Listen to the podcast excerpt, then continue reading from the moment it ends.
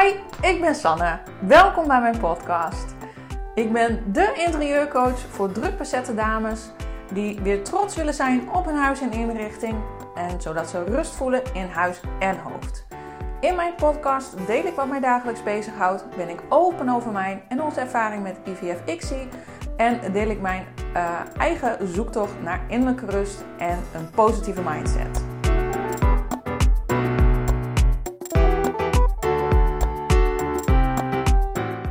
We zitten volop in het koopseizoen.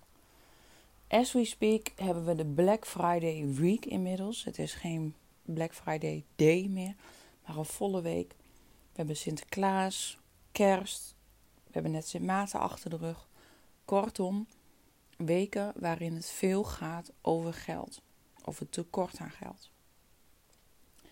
Deze week postte ik wat op Insta over money mindset en waarom ik het belangrijk vind ook om dat met studenten te bespreken. En ook daarop volgt een reactie, want eigenlijk als je uh, praat over geld, dan zit je nooit om gesprekstof verlegen eigenlijk. Iedereen heeft er wel een mening over. Net als over de opvoeding of over politiek of over het weer, zoals dat gaat met bepaalde onderwerpen. En um, ik las een heel interessante post van Charlotte Labé van Brain Balance over wat Black Friday doet met je brein. En eigenlijk over wat reclame überhaupt doet met je brein. Um, op het moment dat je heel veel korting krijgt, of een fixe korting, dan maak je beloningsdopamine aan. Zo noemen ze dat. En dat beloningsdopamine, dat geeft ons een blij gevoel. En uh, daar worden we heel vrolijk van. Maar helaas is het maar van korte duur, zoals ze schreef. En dat herken je misschien ook wel. Ik herken het ook. Um, toen ik zeg maar jong was, in die zin van in de puberteit, of nou eigenlijk vooral zeg maar toen ik op mezelf ging wonen, vond ik interieurstyling al superleuk. Ik mocht heel graag dingetjes kopen voor in huis en het gezellig maken. En vooral als ik niet lekker in mijn vel zat, realiseer ik me nu, zeg maar. Of heb ik wel vaker gerealiseerd, maar anyway. Um, als ik niet lekker in mijn vel zat, dan ging ik naar de stad en dan ging ik uh, accessoires kopen voor in huis. Of andere dingen voor in huis. Van van theedoeken tot, uh, tot woonaccessoires, tot, uh, nou, you name it. Alles om je huis gezellig te maken. Daar kreeg ik echt een blij gevoel van. Een instant blij gevoel. Maar ik kwam ook echt heel vaak thuis met rommel. Met dingen waarvan ik dacht van nou, dit is eigenlijk toch net niet. En dan was ik eigenlijk weer teleurgesteld en ook weer teleurgesteld in mezelf. In de zin dat ik weer geld had uitgegeven aan onzin. En dat het toch niet paste in het geheel. En soms had je natuurlijk ook wel een lucky shot. Dan, was het, dan pakte het goed uit en dan was ik helemaal blij. En uh, dat gevoel was inderdaad maar van korte duur. En misschien herken jij het en heb je het zelf met uh, schoenen of kleding of andere dingen die je graag koopt als je niet lekker in je vel zit. En um, dat was mijn ding. Dus eh, ik was altijd al gek op interieuren en dat soort dingen. En um, tot ik een moodboard ging maken. Ik kocht mijn eerste huis. En um, ik ben aan de slag gegaan met het maken van een moodboard. En ik weet nog dat ik toen een beetje van de barokstijl hield, houd. Um, en dat donkere landelijke. Vind ik nog steeds heel erg mooi om die combinatie daarvan te maken. En um, ik weet ook nog exact hoe mijn moodboard van toen eruit zag. Want ik had mijn eerste huis gekocht en ik dacht, ik wil het gewoon graag nu in één keer goed doen. Ik wil niet meer uh, losse dingetjes kopen. En ik wil dat het één geheel is. Dus ik dwong mijzelf om een moodboard te maken. En ik vond dus twee stijlen heel erg mooi. Dus ik maakte een uh, één moodboard. En aan de ene kant plakte ik alle plaatjes een beetje met de barok en de lichte stijl. En dan aan de andere kant had ik de landelijke stijl.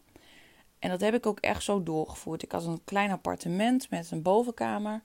En aan de voorkant van het huis koos ik voor de landelijke stijl. Ik koos een enorme grote plofbank. Daar was ik echt ontzettend blij mee. En ik dacht ook over, ik moet één item hebben in een kleine ruimte die de eye-catcher wordt. En dat was voor mij de bank. Dat, die, die bank die vulde zo'n beetje mijn hele woonkamer toen. Vervolgens kocht ik er een uitklapbare tafel bij. In de, in de zin van hè, functionaliteit, kleine ruimte. Dat ik en een dressoir had en een eettafel als ik vrienden over de vloer had. En that's it. Dat was eigenlijk het enige wat in die woonkamer stond. Oh ja, plus mijn uh, uh, zelfgemaakte uh, salontafel van aardappelkistjes. Vond ik ontzettend leuk ding. Ik had er wieltjes onder gemaakt en alles. Heel handig. En in de slaapkamer koos ik voor de lichte barokstijl. Een beetje licht paars, lila-achtig. Het pakte in die zin mooi uit. Ik was tevreden met mijn huis en ik was er blij en ik voelde me senang. Het enige waar ik ook achter kwam, was dat ik eigenlijk de stijl verkeerd had gekozen bij de ruimte. Want de voorkant van mijn huis, die was heel donker, die stond op het noorden. Er komt vrij koud licht binnen. Ehm, dus ik had beter, en ik sliep aan de achterkant waar ik veel zon had, dus op het zuiden waar het al licht was, uh, had ik de lichte kleur gekozen. Dus toen realiseerde ik mij ook van oké, ik moet me daar nog wat meer in verdiepen. In die uh, wat daglicht met je interieur doet. En um, ja, sommige mensen vonden het ook een donkere bedoeling toen ze, als ze bij mij uh, in huis kwamen. En ik vond het vooral gezellig, maar ik voelde het ook wel. Ik dacht, mm, chips, dat had ik beter andersom kunnen doen. Maar ik heb ook niet weer de boel omgedraaid. En ik had inmiddels ook een donkerbruine bank. Nou, je kent het wel. Dat het eigenlijk net niet is. Nou, intussen leerde ik steeds meer. En uiteindelijk uh, heb ik daar kort gewoond. Want toen leerde ik Rodi kennen. En trok ik bij Rodi in het huidige huis waar we nu wonen. En ook toen ik zwanger werd van Tigo, uh, wilde ik het goed aanpakken. Ik gunde hem echt een kamer waarin je, nou, waar hij zich geborgen voelde, waar hij zich veilig voelde en waar hij tot rust zou komen. En ook een kamer die, niet, uh, die duurzaam was, die hij op latere leeftijd ook nog mooi zou vinden. Nou, inmiddels hebben we alweer een uh, andere kamer in huis voor hen, omdat hij toch weer wat groter was. Dus ja, zo gaat het dan in je leven. Maar ook daar begon ik met een moodboard. En um, die, uh, uh, nam ik ook echt de tijd voor om te kijken, oké, wat voor stijl wil ik neerzetten. En dat resulteerde uiteindelijk ook in een ja, prachtige babykamer waarbij ik zwart als basis gebruikte. Dat vond ik gewoon heel mooi en stijlvol samen met goud. Misschien heb je het ook wel eens voorbij gekomen. Ik heb ook daar foto's van op mijn website staan. Dus mocht je dat leuk vinden, dan kun je altijd even kijken. En ik weet nog heel goed dat tegen mij werd gezegd van zwart, zwart als basis. Hoe kun je dat nou doen? En wordt het niet dan een of andere doodskistkamer? Of hoe deprimerend is dat? Zwart in een babykamer.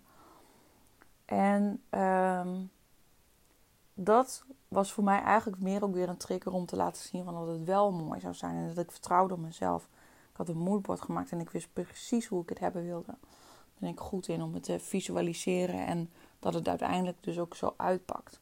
Ik hield rekening met het daglicht, met kleuren, wat die met elkaar doen. Tussen had ik natuurlijk meer geleerd. En het pakte perfect uit. Ik was ontzettend trots. Ik weet nog dat ik daar stond en het was klaar dat ik echt um, emotioneel was. Omdat ik zo blij en trots was op mijzelf. Dat het me was gelukt om het concept wat ik in mijn hoofd had neer te zetten. En iedereen die ook kwam en die uiteindelijk zag hoe, het hoe ik het zwart had gecombineerd. Zwarte wand, zwarte vloerbedekking, zwarte kast. Met dat goud en wit. Um, dat stond gewoon ontzettend mooi. Uh, en dat was voor mij het moment dat ik me realiseerde dat ik uh, ermee verder wilde. Uiteindelijk, uh, of ik begon met verkoopstyling. En uiteindelijk nu richt ik me uh, op, uh, op volledig interieurontwerp en advies. En dat vind ik ontzettend leuk om te doen. En de eerste stap is altijd dus ook het maken van een moodboard. En um, dat, is, dat is gewoon ja, zo belangrijk. En elke interieurstylist zegt dat. En je hebt het ook wel vast in die VT-woonhuizen gezien. Dat ze daar he, altijd mee beginnen. Ze laten mensen altijd een moodboard maken. Uh, omdat dat gewoon de basis is. Dat is je visie. Dat, dat, uh, daarmee visualiseer je het ontwerp wat je wil hebben. En daarmee kun je dus dan ook gericht aankopen doen. En dat is even weer mijn bruggetje naar die Black Friday deals en dergelijke. Als je dat ook lastig vindt, als je denkt, oh ik moet nu kopen, want ik moet nu aan de gang. En um, ik wil nu iets voor mijn huis kopen. Of hetzelfde geldt voor als je nu denkt van ik moet nu naar de kapper en dan moet nu iemand vrij zijn. Maar niet uit welke kapper ik heb, er moet nu wat aan gedaan worden. Zonder dat je even erover nadenkt en denk je, wat wil je nou eigenlijk? Wat is nou die toekomstdroom? Wat is nou uh, het kapsel dat ik graag wil hebben? Of wat is nou de woonstijl die ik voor ogen heb? Dat begint allemaal bij dat moodboard. En als je die hebt, dan kun je dus ook gericht aankopen doen. En daarmee voorkom je dat je miskopen doet. En uh, wat het fijne daar ook van is, is dat het dus je houvast geeft en het geeft rust. En het zorgt ervoor dat je die verleidingen van een Black Friday deal of van een woonwinkel waar je toevallig loopt of van een aanbieding die je krijgt om dat te kopen. Omdat je weer terug kan vallen op dat moodboard en kan denken van oh nee, past dat binnen mijn woonstijl? Past dat bij mij? Past dat bij ons huis? Past dat bij ons gezin? En als het antwoord daarop nee is, dan kun je makkelijker doorlopen. En als je dan eens al iets tegenkomt, wat bij je bedrijf, of bij je bedrijf moet je mij horen. En als je dan al iets tegenkomt wat bij jou en jouw huis past, uh, dan ben je veel blijer, duurzaam en langer blijer. Dan, ben je niet, dan heb je niet dat instant gevoel van happiness en blij van, oh, ik heb iets gekocht. Maar nee, dan ben je echt meer tevreden met je aankopen. En daarom vind ik het ook zo mega leuk om die workshops te geven over een moodboard maken. Dus mocht je geen idee hebben wat je woonstijl is, of wil je graag je huis herinrichten, um, of ga je verhuizen en wil je toekomstige huis inrichten, begin dan alsjeblieft eerst met een moodboard. Want dat is gewoon ontzettend belangrijk. En als je niet weet hoe je een moodboard moet maken of waar je moet beginnen, check dan even mijn website. Ik heb er blogs over geschreven hoe je het beste kunt aanpakken. Ik heb ook een online cursus hoe je op Pinterest uh, een moodboard kan maken. Want ik kan me ook voorstellen dat je op Pinterest doelloos blijft scrollen. En dat je door de boom het bos niet meer ziet. Of dat je überhaupt denkt van hoe werkt Pinterest eigenlijk. Daar heb ik ook wat voor. En ehm, als je denkt van nou, ik vind het leuk om samen met jou aan de slag te gaan. Om een moodboard te maken. Stuur me dan gerust even een berichtje. Want misschien is dat ook wel iets wat ik in de toekomst. Of als jij denkt van nou dat wil ik graag met jou doen. Dat je dat gewoon samen met mij kan doen. En dat ik je daarbij help. En dat ik je daar richting aan geef. En ik zeg nu toekomst. En het, het zit al in mijn interieurcursus. Mijn volledige cursus. Maar zeg je nou. Dat heb ik niet per se nodig maar wel alleen die workshop, contact me dan gewoon even, want er zijn mogelijkheden voor. En ik vind dat echt misschien wel een van de aller, allerleukste dingen om te doen. Om dat moodboard te maken, om lekker te vreubelen, te knippen en te plakken. En wist je dat zelfs het ook heel, omdat je dus creatief bezig bent, dat het ook rust geeft om daarmee bezig te zijn. Dus terwijl je een moodboard maakt, heb je rust. En uh, werkt het uh, rustgevend. En als je het moodboard hebt, behoud je die rust. Omdat je precies weet hoe je je huis voor je ziet, hoe je het in wil richten.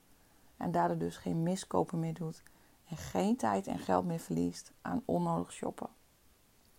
Amen.